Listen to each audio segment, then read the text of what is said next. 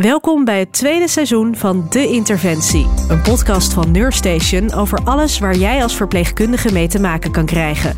Ik ben Rebecca Looyen en vandaag ga ik met verpleegkundig specialist Merel de Lacombe in gesprek over de palliatieve zorg. We praten over de uitdagingen rondom de dood, maar met name over het leven. Want dat is waar de palliatieve zorg vooral om draait. Deze aflevering wordt mede mogelijk gemaakt door Beweging 3.0. Merel, leuk dat ik met jou in gesprek mag gaan over de palliatieve zorg.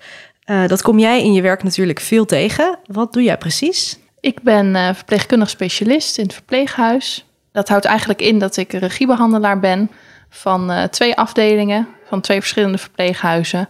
En ik zorg daar voor mensen met nou ja, verschillende problematiek, zowel somatische problemen als mensen met dementie. En in hoeverre kom jij die palliatieve zorg dan tegen? Nou, eigenlijk zeg ik altijd: iedereen die in het verpleeghuis komt wonen, zit in de palliatieve fase van uh, zijn of haar leven. Niemand komt het verpleeghuis meer uit, hè, cru gezegd, behalve dan uh, wanneer ze overleden zijn. En meestal is de situatie um, dusdanig verslechterd dat iemand niet meer thuis kan wonen. En de verwachting is ook dat iemand uh, nou ja, toch wat achteruit zal gaan, of lichamelijk of geestelijk. Ehm, dus dat maakt eigenlijk dat ik altijd zeg: verpleeghuiszorg is palliatieve zorg. Dus het komt onder jullie bewoners eigenlijk bij iedereen naar voren? Ja, eigenlijk wel. Soms heb je natuurlijk wel eens een uitzondering. Uh, maar nou ja, 90% van de, van de bewoners zit zeker in de palliatieve fase. Ja. De palliatieve zorg is natuurlijk iets wat je, denk ik, als verpleegkundige, of je nou in het ziekenhuis werkt of in uh, een verpleeghuis of in de thuiszorg, je komt het ongetwijfeld wel een keer tegen. Dus laten we het daarom eerst even hebben over de praktische kant. Wat valt er precies onder de palliatieve zorg? Uh, je start met palliatieve zorg wanneer uh, iemand een diagnose krijgt van een chronische aandoening. Uh, dus dat kan bijvoorbeeld zijn als iemand hartfalen heeft of juist longproblematiek. Maar ook dementie is natuurlijk een, een chronische progressieve aandoening. Ja. Um, dus dat valt allemaal onder de palliatieve zorg. Maar dat wil niet direct zeggen dat iemand ook op korte termijn gaat overlijden. Dus het is niet ook per definitie iets wat pas in beeld komt als iemand echt terminaal is. Nee, dat wordt denk ik nog wel vaak zo, uh, zo gezien. Um, maar ik vind het mooier om het te zien als de zorg um, waar we juist kijken naar het leven. Ja. Het laatste stukje van het leven. En natuurlijk hoort de dood daarbij. Mm -hmm. um, maar het omvat veel meer dan alleen dat. De dood is eigenlijk het eindpunt van die zorg. Ja. Ja, dus dat heeft eigenlijk veel meer te maken inderdaad met die fase daarvoor. Ja, om juist te kijken van um, hoe is de laatste fase van iemand mm -hmm. en hoe kunnen we als zorgverleners daaraan bijdragen om dat stukje juist zo mooi mogelijk ja. te maken. En wat doe jij daar dan praktisch in als je dus palliatieve zorg voor iemand gaat bieden? Wat zijn daar dan de mogelijkheden in? Ja, dat, dat is best wel heel erg breed. Um, ik kijk zelf altijd naar de, de vier domeinen van de palliatieve zorg. Dan heb je het somatische gedeelte. Mm -hmm. Nou ja, dat, dat is best een heel groot gedeelte waarin we kijken naar uh, lichamelijke problemen, zoals pijn, benauwdheid um, en alle dingen die je vaak heel goed kan bestrijden met medicatie. Uh, maar de andere domeinen zijn um, het uh, psychische stuk. Mm -hmm. Dus dan kijk je ook naar um, hoe zit iemand in zijn vel? Is iemand bijvoorbeeld heel erg angstig? maar ook het sociale stuk. Palliatieve zorg gaat niet alleen over de bewoner zelf, maar ook over uh, het hele netwerk van iemand. Um, hoe gaat iemand om met de naasten? Hoe staan de naasten erin? Kunnen zij de situatie een beetje verwerken? Hebben zij hulp nodig? Um, en ook het uh, spirituele aspect proberen we niet te vergeten. Die is vaak wel wat onderbelicht. Ja, je hoort um, daar niet heel vaak over. Je hoort daar niet zoveel over. Maar dat zijn, gaat meer over de vragen: waar haalt u nou kracht uit? Mm -hmm. En wat maakt voor u dat de dag de moeite waard is? Oh ja, dus het gaat niet zozeer over, uh, over de dood dus. Eigenlijk gaat de palliatieve zorg heel weinig over de dood. En het, het ligt er natuurlijk ook een beetje aan wat de individuele behoeftes is van iemand. Je hebt het er wel over, maar je hoeft het er niet continu over te hebben. Het is onlosmakelijk daarmee verbonden, maar ja, je kan aan die situatie natuurlijk niks meer veranderen. Je kan eigenlijk alleen maar veranderen wat iemand nu meemaakt. Precies. En um, hoe we daar dan nog een positieve draai aan kunnen ja. geven, dat is denk ik het allerbelangrijkste. Ja. Is er veel mogelijk op die vier domeinen? Ja, er is uh, verschrikkelijk veel mogelijk. Ik uh, spreek natuurlijk vanuit mijn ervaring binnen het verpleeghuis. Uh, maar goed, ik heb net al het stukje medicatie benoemd. We hebben heel veel medicatie op de plank liggen om um, een patiënt, nou ja, we noemen dat comfortabel te maken. Mm -hmm. He, dus om pijn, benauwdheid te verlichten, angst te verminderen, onrust weg te nemen. Daarin kunnen we ontzettend veel doen. Uh, maar ook het uh, niet-medicamenteuze stuk. Daar hebben we verschrikkelijk veel mogelijkheden in. Van het inzetten van verschillende disciplines, zoals de psycholoog of de ergotherapeut. We hebben ook zorgtechnologieën die we in kunnen zetten. Uh, een stukje complementaire zorg. Zoals? Uh, complementaire zorg, daaronder valt bijvoorbeeld uh, het geven van handmassages of het toepassen van aromatherapie. Maar dat is echt heel erg individueel kijken van waar heeft iemand behoefte aan, wie is iemand, um, wat heeft hem altijd geholpen in het leven om te ontspannen. Wat is iemand al gewend misschien? Wat is iemand al gewend en om dan te kijken van hoe kunnen we daarbij aanhaken met een van die mogelijkheden. Als ik je zo hoor, is het denk ik sowieso altijd een persoonlijke aanpak. Het is nooit een soort kant-en-klaar pakketje wat je, wat je bij iemand toe kan passen. Want wanneer jij een, een bewoner dan krijgt waarbij je die palliatieve zorg op gaat starten, hoe ziet dat proces er dan precies uit? Wat kan je dan verwachten? Nou, als iemand uh, bij ons op de afdeling komt wonen, uh, is er altijd eerst een intake. Zowel van de verpleegkundige die echt de zorgintake doet, uh, als van mij. Ik kijk dan meer naar de medische kant. Maar daarin proberen we al meteen te inventariseren van welke problemen spelen er nu. Mm -hmm. En welke problemen kunnen we misschien verwachten op de korte termijn. Hè, bijvoorbeeld iemand met hartfalen.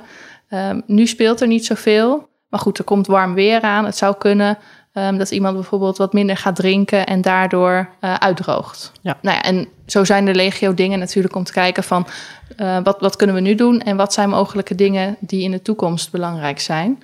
Uh, en om dat in ieder geval vast te gaan leggen in, uh, in het zorgplan. Vaak kan je al wel een beetje inschatten hoe een ziektebeeld gaat verlopen. Mm -hmm. He, je weet al dat mensen met COPD waarschijnlijk, als ze in een verder stadium komen, meer benauwd gaan worden. Ja. En daar kan je het al van tevoren over hebben ja. met ze. En je kan alvast afspraken maken. Is het op dat moment niet ook makkelijker? Omdat iemand, hoe verder je komt in een ziekte, hoe moeilijker het denk ik is om nog te overleggen. Het ligt er natuurlijk een beetje aan wat, wat de situatie is. Maar... Ja, ook. En vaak is het ook wel heel lastig om um, in een acute situatie te gaan overleggen. Ja. He, van, ja, dat wordt, uh, wordt ja, onpraktisch. Ja, als, als iemand opeens heel ziek is en je hebt nooit besproken van wil iemand eigenlijk naar het ziekenhuis, ja, dan, dan is het een heel vervelend moment om dat te gaan bespreken. Ja, dus en het is, gaat eigenlijk niet alleen om praktisch dingen vastleggen, maar ook iemand de kans geven om na te denken over wat iemand eigenlijk wil. Ja, en dat doen we um, vaak niet uit onszelf. Nee? Nee. Heb jij dat vastgelegd?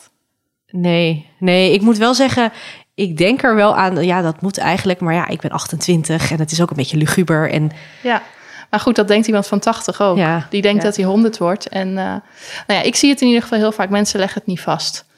Um, en soms komt het ook best wel rauw op hun dak, zo'n vraag. Ja. Voel je dat aan wanneer je erover kan beginnen? Soms wel, meestal wel. Um, maar soms denk ik dat het kan en um, nou, is iemand daar toch heel erg door aangeslagen.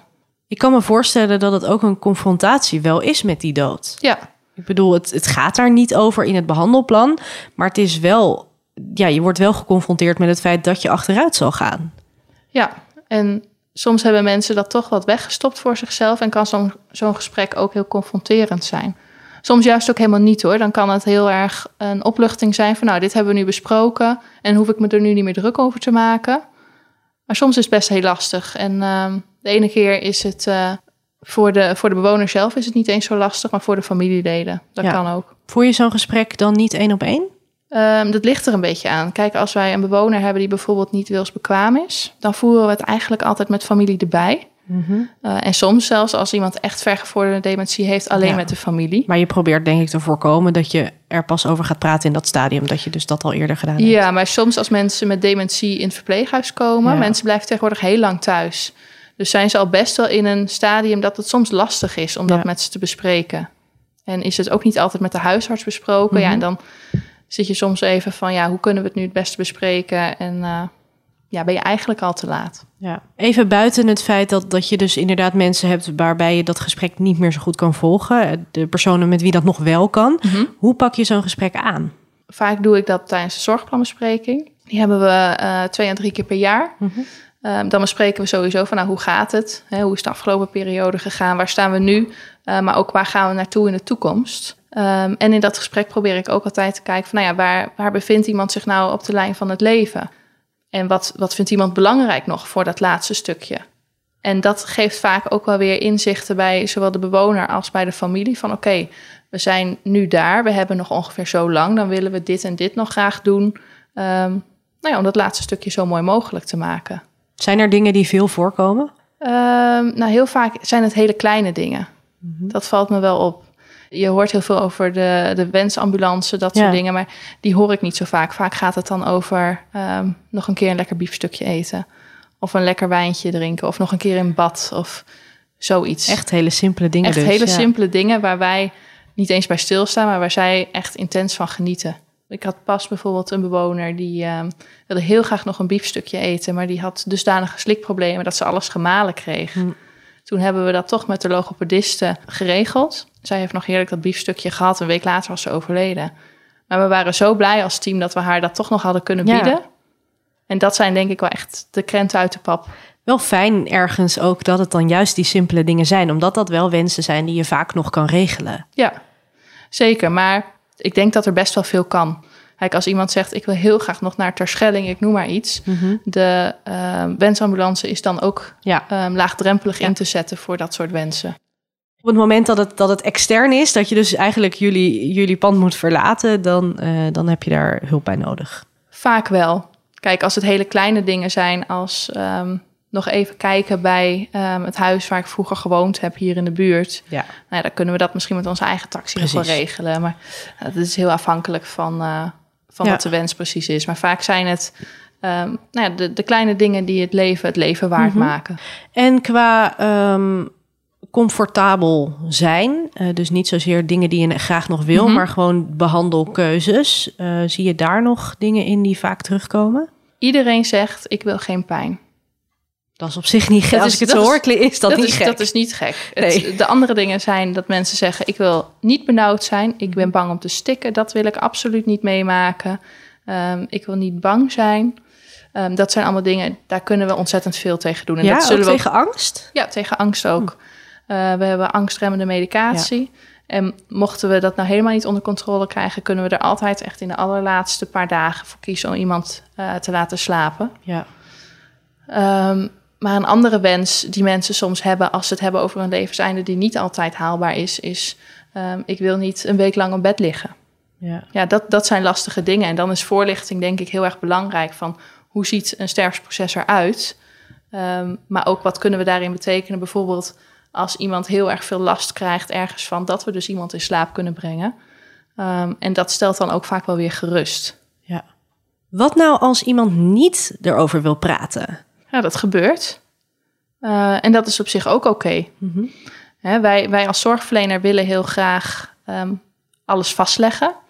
Wij vinden het heel fijn als we alles in het zorgplan hebben staan. En uh, als er dit gebeurt, dan doen we dat. En iemand, uh, als hij in die fase komt, dan wil hij graag dit of dat. Uh, maar er zijn inderdaad ook mensen die willen dat niet. En die willen er niet over nadenken. Um, en dan is dat prima. Stop je dan gelijk? Of, want ik kan me voorstellen dat het misschien ook is vanuit een... ik vind het ongemakkelijk om erover te praten... of ik vind het een beetje eng. Uh, probeer je het dan nog wel? Ja, dat is dan denk ik ook een beetje aanvoelen. Of soms um, nou ja, op een ander moment nog eens wat aftasten. Het kan ook zijn dat het echt voortkomt uit angst. Mm -hmm. Um, die is wel goed om dan te signaleren. Dan kan je er misschien nog wat mee. Ja. Bijvoorbeeld vragen of de psycholoog of de geestelijk verzorger eens langs gaat. Um, soms kan je het wel over de dood hebben zonder de dood te benoemen. Ja. Hè, dus nou ja, bijvoorbeeld door te hebben over het leven. En wat zou u mm -hmm. nog graag, wat vindt u nog belangrijk in deze fase ja. van uw leven? En soms dan rolt hij automatisch wel um, richting de kant van de dood. Nou ja, en soms ook niet. En als je echt heel veel weerstand voelt, ja, dan, dan laat ik hem ook even. Ja. Je zei net al dat je eigenlijk bijna altijd nog wel iets voor iemand kan betekenen. Het is ja. zelden dat je niks meer kan doen. Maar stel het lukt niet om iemands levensplezier echt nog te kunnen bieden. Of iemand echt nog prettig te laten voelen. Of iemand vindt het zelf niet, niet genoeg meer. Mm -hmm. Hoe ga je daar dan mee om? Ja, we, we geven niet zo snel op. Hè. Het, het, komt wel eens voor dat het gewoon heel erg lastig is. Bijvoorbeeld bij dementie. Het kan soms echt heel moeilijk zijn. En trekken we alles uit de kast. Um, nou ja, van uh, de, de zorgtechnologie tot complementaire zorg, tot inzetten van collega's, tot eventueel wel medicatie. Um, als het dan echt niet lukt, ja, dan, dan kan je soms niet zo heel veel anders dan accepteren hoe het is. En bespreken met familie van hoe gaan we verder. En ook met het oog op eventuele toekomstige behandelingen. He, dan, dan kan je bijvoorbeeld met elkaar kiezen van, goh, als iemand nou een longontsteking krijgt, kunnen we er ook voor kiezen om die niet um, curatief te behandelen. Maar kunnen we ervoor kiezen om de vervelende symptomen te behandelen. Maar dat iemand daaraan bijvoorbeeld mag overlijden. Ja. We hebben heel veel mensen die, uh, waarvan gezegd wordt van nou ja, eigenlijk is de kwaliteit van leven niet heel goed meer. Um, dan kiezen we samen met de bewoner en met de familie ervoor van nou ja, mocht er een levensbedreigende aandoening uh, ontstaan, behandelen we die niet en mag iemand ja. daaraan rustig overlijden op zijn ja. vertrouwde plek. Ja, want ik kan me voorstellen dat zeker met mensen die uh, dementie hebben, die moet je niet meer naar een ziekenhuis willen brengen, toch? Um, dat, dat vind ik ook lastig. Ik heb het dan ehm, even over de mensen die echt al in een vergevorderde ja, stadium zijn. Hè? Die, dat, die daar dan komen en eigenlijk niet meer weten waar ze zijn. Nee. En ik vind het dan belangrijk om te kijken naar kwaliteit van leven. Mm -hmm. uh, maar ook van wat, wat speelt er nu precies. Zo had ik bijvoorbeeld van het weekend is een, uh, een bewoner van mij is gevallen. Heeft zijn mm -hmm. heup gebroken. Ja. Dat zijn de hele lastige dingen. Van ja, wat ga je nu doen? Um, je hebt twee opties. Ja, je gaat hem naar het ziekenhuis laten gaan en eventueel dus laten opereren. Of je laat hem thuis. Nou ja, dan ligt hij op bed en gaat hij vermoedelijk binnen ja. enkele weken overlijden. Ja, na die operatie kan hij ook binnen enkele weken overlijden. Uh, er is een risico op infectie, een risico dat iemand een delier krijgt, op pijn. Maar aan de andere kant wordt ook soms gezegd: bij een heupfractuur is een operatie de beste pijnstilling. Dus dat is heel belangrijk om in zo'n geval um, te kijken samen met de chirurg, met de familie, uh, met de bewoner zelf als dat nog kan. Vaak niet. Um, willen we dit nog of willen we dit niet? Ja. Maar ik ben het met je eens, vaak echt in een vergevorderd stadium van dementie kiezen we ervoor om iemand niet meer naar het ziekenhuis te laten ja. gaan. Jij werkt wel ondertussen met mensen die, nou ja, het eigenlijk allemaal doodgaan. Ja. Dat lijkt me ook best wel zwaar. Of zie ik dat verkeerd? Um, nou ja, dat, dat, dat lijkt inderdaad ook best wel zwaar. Uh, maar het is niet zo dat, dat er elke dag iemand overlijdt. Kijk, ik heb 50 uh, bewoners ongeveer. En ik denk dat er nou ja, eens per vier weken een keer iemand overlijdt. Ja, maar het is wel iets wat is, je regelmatig ja, in je werk tegenkomt. Ja. En ik denk ook, dat klinkt dan misschien een beetje hard, maar dat ik me daar toch wel een beetje voor afscherm. Mm -hmm. Je kan het nou eenmaal niet allemaal meenemen. En soms zijn er natuurlijk wel casussen um, die me extra raken. Ja. En waar ik hier thuis op de bank nog echt wel over na aan denken ben. Um, maar heel vaak kan ik het ook best wel loslaten. Zeker als ik het gevoel heb van nou, hè, we doen het goed. Iemand die die is comfortabel. We, we bieden wat we kunnen. Um, het is een, uh, een mooi sterfbed. Ja. Maar het is denk ik ook een beetje hoe het voor familie is. Hè? Het, is het is niet dat iemand van de een op de andere dag opeens um, overlijdt. Ja. Het is een langdurig proces van achteruitgang... waarin je op een gegeven moment ook iemand de dood gunt. Dat het leven lijden is geworden. Dat je denkt, ja, um, het is ook oké okay zo. Ja. ja, dus in dat opzicht is jouw werk eigenlijk ook heel mooi. Ja, ik vind mijn werk wel heel mooi. Maar juist ook omdat het gaat over het leven. Ja, en ja, je bent continu eigenlijk nog bezig om alles uit het leven te halen, inderdaad. Ja. De dood is natuurlijk iets dat veel verdriet met zich meebrengt. Ja. Voor iedereen, voornamelijk eigenlijk voor iedereen eromheen. Absoluut. Hoe ondersteun je die daarin? Het is uh, kijken wat heeft iemand nodig. Uh, maar het begint al eerder. Het begint al met, met voorlichting geven um, voordat je daar bent. He, dat het niet rauw op iemands dak valt. Van hé, hey, mijn moeder die gaat opeens heel hard achteruit. Dat had ik helemaal niet verwacht. Um, ik denk als je um, toch al enig toekomstperspectief schetst. Dat iemand er misschien op een, op een andere manier mee omgaat. Van oké, okay, dit was um, wat me is verteld. Dus ik weet in ieder geval dat dit eraan zat te komen. Mm -hmm. en dan is het nog kijken van hoe gaat iemand ermee om. Ik had toevallig uh, vandaag uh, gesproken met een dochter van een bewoonster met dementie van mijn, uh, van mijn afdeling. En die, uh, die mevrouw, daar gaat het niet goed mee. Die is heel erg verward, heel onrustig. Um, nou, de, de verpleger van de afdeling zegt, ja, zij is echt aan het lijden. Dus ja, daar zijn we nu alles op alles op aan het zetten om dat beter te maken. Uh, mijn dochter is daar heel erg verdrietig over. Ik heb ook um, tegen dochter gezegd van, nou ja, dementie, het is een terminale aandoening. Dus hou er ja. ook rekening mee dat uw moeder misschien niet heel lang meer te leven heeft. Nu kwam dat bij haar ook erg rauw op haar dak. En uh, nou ja, erg verdrietig daarover. En wel dusdanig dat ik zoiets heb van ja, daar moeten we iets mee. We kunnen Ja. haar nu niet zo uh, zeggen sturen. van nou, uh, fijne dag nog. Precies. Wij hebben ons gesprek gehad. En uh, Moet door. Dan, ja, dan gaat het toch ook wel echt heel erg om de naaste en om het hele systeem rondom de patiënt.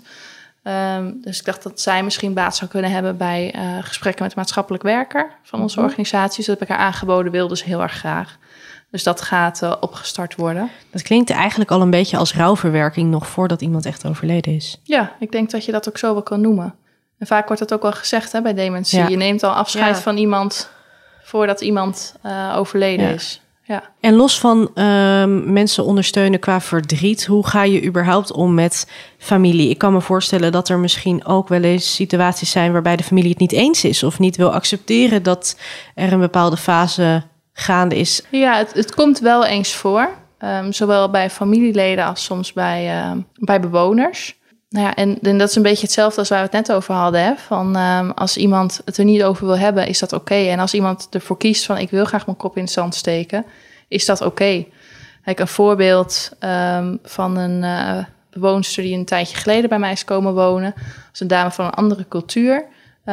En ik had geleerd van eerdere casussen, ik moet dat op tijd brengen, want anders kan dat wel eens eh, voor een lastige situatie gaan zorgen rondom het sterfbed. Waarbij ik kort na opname vroeg aan de bewoonster en aan haar dochter: ehm, zijn er bepaalde wensen die jullie hebben, eh, mocht het levenseinde aanbreken?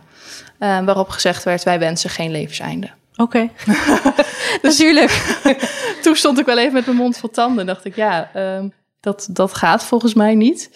Eh, en dat is soms heel lastig. En eh, nee, in dat geval had ik ook zoiets van: oké, ehm, ik weet even niet. We gaan het op een ander moment eh, opnieuw proberen. Ja. Maar dat komt zeker voor dat mensen soms moeilijk kunnen accepteren dat de dood nadert. En soms kan je daar ook ehm, wat, wat psychologische ondersteuning in bieden. En soms ook niet. Ja. En komt het ook voor dat jullie bijvoorbeeld zien, ehm, nou, wij kunnen nog heel veel doen om iemand comfortabel te maken en iemand weigert dat? Of familieleden eh, voelen zich daar niet prettig bij? Ehm, ja, dat komt wel eens voor. Mensen die bijvoorbeeld ehm, bang zijn voor morfine, dat ze daar erg suf van worden of dat ze daar verslaafd aan raken. En dat, dat komt natuurlijk ook van verhalen die ze horen en dingen die ze lezen. Ehm, en, en het klopt, en mensen kunnen suf worden van morfine. En mensen kunnen er verslaafd aan raken. Maar ik denk, ja, als je nog maar een paar dagen te leven Ja. hebt, is dat op zich niet heel relevant. Hoewel morfine kunnen mensen ook gerust wat langer gebruiken. Hangt niet per se samen met de dood. En dan is het ook uitleg geven en soms zoeken naar een alternatief. Ja. Hè, soms hebben mensen een heel naar gevoel bij morfine en kijk je naar een broertje of zusje, geef je bijvoorbeeld een eh fentanyl. Is dit eigenlijk altijd iets geweest wat jou ligt, deze laatste levensfase? Nee, eigenlijk totaal niet. Oh? Ehm, tijdens de HBOV vond ik dat eigenlijk juist het allerspannendste. Ehm, mensen die overleden en ehm, ja, toch ook een beetje eng. Ik had toen eh, net mijn opa die was overleden. En nou, ik had toch een beetje het gevoel van daar moet ik ver van weg blijven. Maar juist omdat ik dat gevoel had, had ik zoiets van, nou, volgens mij maakt het me eigenlijk een betere verpleegkundige eh, als ik dat juist aanga. Hm. Eh, dus toen ben ik op mijn, nou, volgens mij was ik 18 of 19, ben ik vrijwilligerswerk gaan doen in een hospice. Oh, dat is wel een hele grote stap voor iemand die het eng vindt. Ja, als ik nu zo terugkijk, denk ik ook wel van, goh meid, dat, eh, dat je dat hebt gedaan. Maar daar, daar is denk ik wel mijn, eh, mijn liefde voor de palliatieve zorg ontstaan. En vanuit daar ben ik er eigenlijk in verder gegaan. Nou ja, nog in een ander hospice ehm, als vrijwilliger gewerkt. En uiteindelijk eh, de opleiding ehm, tot palliatieve zorg, verpleegkundige gaan doen. En nu nog steeds werkzaam in het verpleeghuis. Dus eigenlijk ook wel hartstikke tof dat dat zo is gelopen. Ja, ik neem ook aan dat als je daar aanklopt als 18, 19-jarige, dat je niet meteen eh, in het diepe wordt gegooid. Dat Nee, bouwt ze- wel op, toch? Ze stonden er wel een beetje van te kijken. Het waren toch over het algemeen eh, dames eh, nou ja, tussen de 50 en de 70. Ja. Dus ik viel wel redelijk buiten de boot. En volgens mij vonden de gasten van het hospice dat juist wel leuk. Ja? Ja, dat denk ik wel. Toch een beetje wat, wat andere gesprekstof. En nou ja, natuurlijk, ik stond op een heel ander punt in mijn leven. Net Mhm. begonnen met de studie. En eh, Ja. die ja, mensen... jouw leven stond in de startblokken. Ja, Ja. maar eh, dat, dat was hartstikke leuk. En daar heb ik ook weer veel geleerd. Hoe was jouw eerste ervaring dan daar? Weet je dat nog? Ja, dat weet ik nog wel heel goed. Dat was eh, sowieso de eerste keer dat ik iemand eh, zag sterven. Dat was eh, een avond. En eh, je was daar altijd met twee vrijwilligers, Ja. gelukkig. Er waren daar geen zorgmedewerkers eh, die in dat hospice werkten. En dat was een mevrouw. Ehm, ik denk dat zij hartfalen had. En een combinatie met COPD. En zij had eh, geen familie. En het was duidelijk dat zij ging overlijden. En dat voelde voor ons naar als zij alleen zou gaan. Dus we zaten Ja. allebei naast haar aan de kant van het bed. Hielden haar hand vast. En ik vond dat best heftig om te zien. Dat, eh, dat was ook een, een overlijden waar zij eh, nou ja, ze, ze was niet meer bij bewustzijn, maar ze hapte wel naar adem. Mhm. Ehm, dat vond ik best wel, best wel een dingetje. En ik weet nog dat ik toen daarna met de trein ehm, naar toen nog mijn vriend ging in Groningen. En dat ik in de trein zat en dat ik dacht, maar ik heb net iemand zien overlijden. Zien mensen Ja. dat niet aan Ja. mij? Ja. ja, dat was wel heel heftig, ja. Maakt het de tweede keer dan makkelijker? Ehm, ja, dat denk ik wel. Want de tweede keer kan ik me niet herinneren. Ja. nou ja, misschien ook omdat je dan weet wat je kan verwachten. Nou, zal lang niet iedereen die sterft dat op eenzelfde manier doet of dat hetzelfde gebeurt. Nou ja, niet helemaal. Eh, maar je hebt wel iets als de, de final common pathway. Mhm. En dat gaat eigenlijk over nou ja, de, de laatste week van iemands leven. En dat dat er eigenlijk in heel veel ziektebeelden hetzelfde uitziet. Ehm, dus nou ja, dat, dat echt naar luchthappen, nou ja, dat, Ja. dat was wel echt uniek bij deze mevrouw. Dat komt gelukkig lang niet in alle gevallen voor. Eh, maar heel veel dingen zijn best wel hetzelfde. Daardoor kan je het ook herkennen als zorgverlener. En soms is dat ook wel eng dat je het echt zo vaak hebt gezien dat je denkt: oké, het is nu 12 uur 's middags. Ehm, het is denk ik wel goed dat de familie voor vijf uur komt.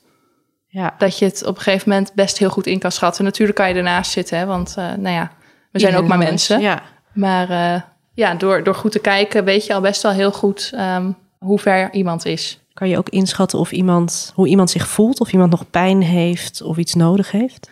Eh, ja, over het algemeen kunnen we dat best wel goed. Ook als iemand niet meer aanspreekbaar is, zijn er toch wel veel signalen die eh, ons vertellen of iemand ehm, ergens last van heeft. We kijken bijvoorbeeld heel erg naar, vertrekt iemand zijn gezicht? Hè, vaak zie je dat toch wel bij pijn. Ehm, of ligt iemand bijvoorbeeld met heel gespannen eh armen of benen in bed? Dat kan ook wel iets zeggen over pijn. Nou ja, het- ademhappen zou iets kunnen zeggen over benauwdheid. Eh, soms zie je ook een terminaal delier, dat mensen bijvoorbeeld nou ja, met de armen omhoog grijpen. Of het, het kreunen. Dat zijn wel tekenen die, eh, die ons aangeven van... hé, hey, eh, iemand die voelt zich niet fijn. En ga je dan maar gewoon iets proberen? Nee, we gaan eerst kijken van wat, wat speelt er. Denken we dat het pijn is of is het iets anders? Ehm, denken we dat het pijn is, nou ja, dan gaan we inderdaad iets proberen. Vaak krijgt iemand al wel in die fase wat morfine, omdat iemand eh 9 van de 10 keer al pijnstillers gebruikte voordat hij ging overlijden. En is het wel zo netjes om dan eh, dat op een andere manier te geven. Dus wat morfine onder de huid. Dat kunnen we proberen wat op te hogen. Helpt ook heel goed tegen de benauwdheid. Krijgen we het daarmee nou niet netjes onder controle? eh, dan gaan we vaak kiezen om een, eh, een angstremmer, een bewustzijnsverlager toe te voegen. En dan kiezen we meestal voor de midazolam. Dat helpt ook om het delier wat, wat te remmen. Maar maakt ook iemand rustig, zorgt ervoor minder angst. ehm, en iemand kan dan ook wat, wat meer gaan slapen. Ja. Dus ook hier is eigenlijk nog heel veel goed mogelijk. Absoluut. En dat probeer ik ook altijd uit te leggen als mensen eh, vertellen dat ze bang zijn om pijn te krijgen of bang zijn om benauwd te worden. Dat we dit allemaal kunnen doen. Als je hier nou niet zo heel veel mee in aanraking komt eh, en je wil hier wel meer over weten, wat kan je dan het beste doen? Nou, we hebben een paar hele goede websites in Nederland. De, de Palia Line ehm, is een hele goede. Ook de website van eh, IKNL. Daar staat een heleboel op. Ehm, je hebt ook eh, wat, wat lotgenoten websites. Ehm, dat zijn denk ik goede dingen om te, te beginnen. Ja. Eh, en Line heeft echt wel de, de fijne protocollen die we ook veel gebruiken voor bijvoorbeeld ehm, het inzetten van palliatieve sedatie, maar ook voor bijvoorbeeld obstipatie in de stervensfase of in de palliatieve fase. Voor jou is de laatste levensfase natuurlijk iets waarbij je nou, eigenlijk dagelijks wordt geconfronteerd in je werk. Als dat niet het geval is en je komt ermee in aanraking, dan lijkt het me misschien lastig om het gesprek met iemand aan te gaan. Hoe pak je dat aan? Heb je daar tips voor? Ik denk dat dat ook best lastig is en dat je jezelf daar ook ehm, in moet ontwikkelen. Het is niet iets wat je direct kan. En als je het heel moeilijk vindt, zou ik ook zeggen, praat er vooral over met je collega's. Zeg van, goh, ik zie dat ehm, ik hier eigenlijk zo'n gesprek zou kunnen voeren, maar ik weet niet zo goed hoe ik kan beginnen. En mijn advies zou zijn, begin gewoon klein. Kijk, je kan prima, terwijl je iemand aan het wassen bent, dat is eigenlijk al een heel intiem moment, Ja. kan je best eens vragen aan iemand van, goh, wat vindt u nou eigenlijk belangrijk in het leven?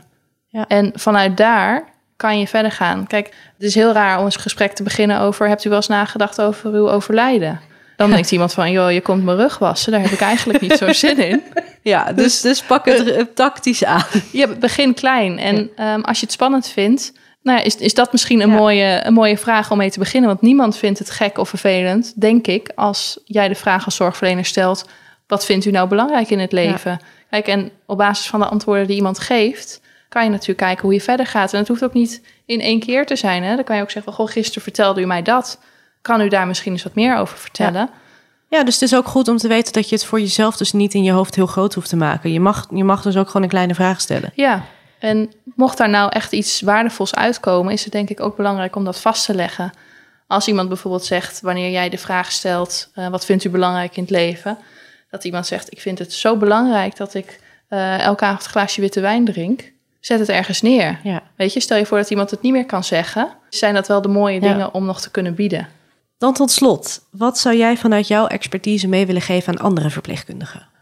Praten over de dood. Wees er niet bang voor om het aan te snijden. Uh, maar praat vooral over het leven. Palliatieve zorg gaat over zoveel meer dan alleen de dood. Heb het over wat iemand nog fijn vindt. En kijk hoe je daar als zorgverlener aan bij kan dragen. Zodat je dat laatste stukje voor die dood zo mooi mogelijk maakt.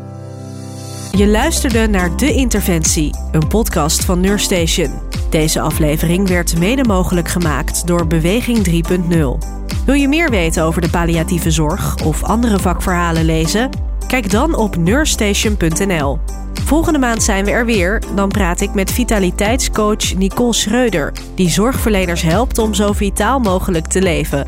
Vond je deze aflevering nou interessant? Laat dan vooral een review achter en deel hem met je collega's.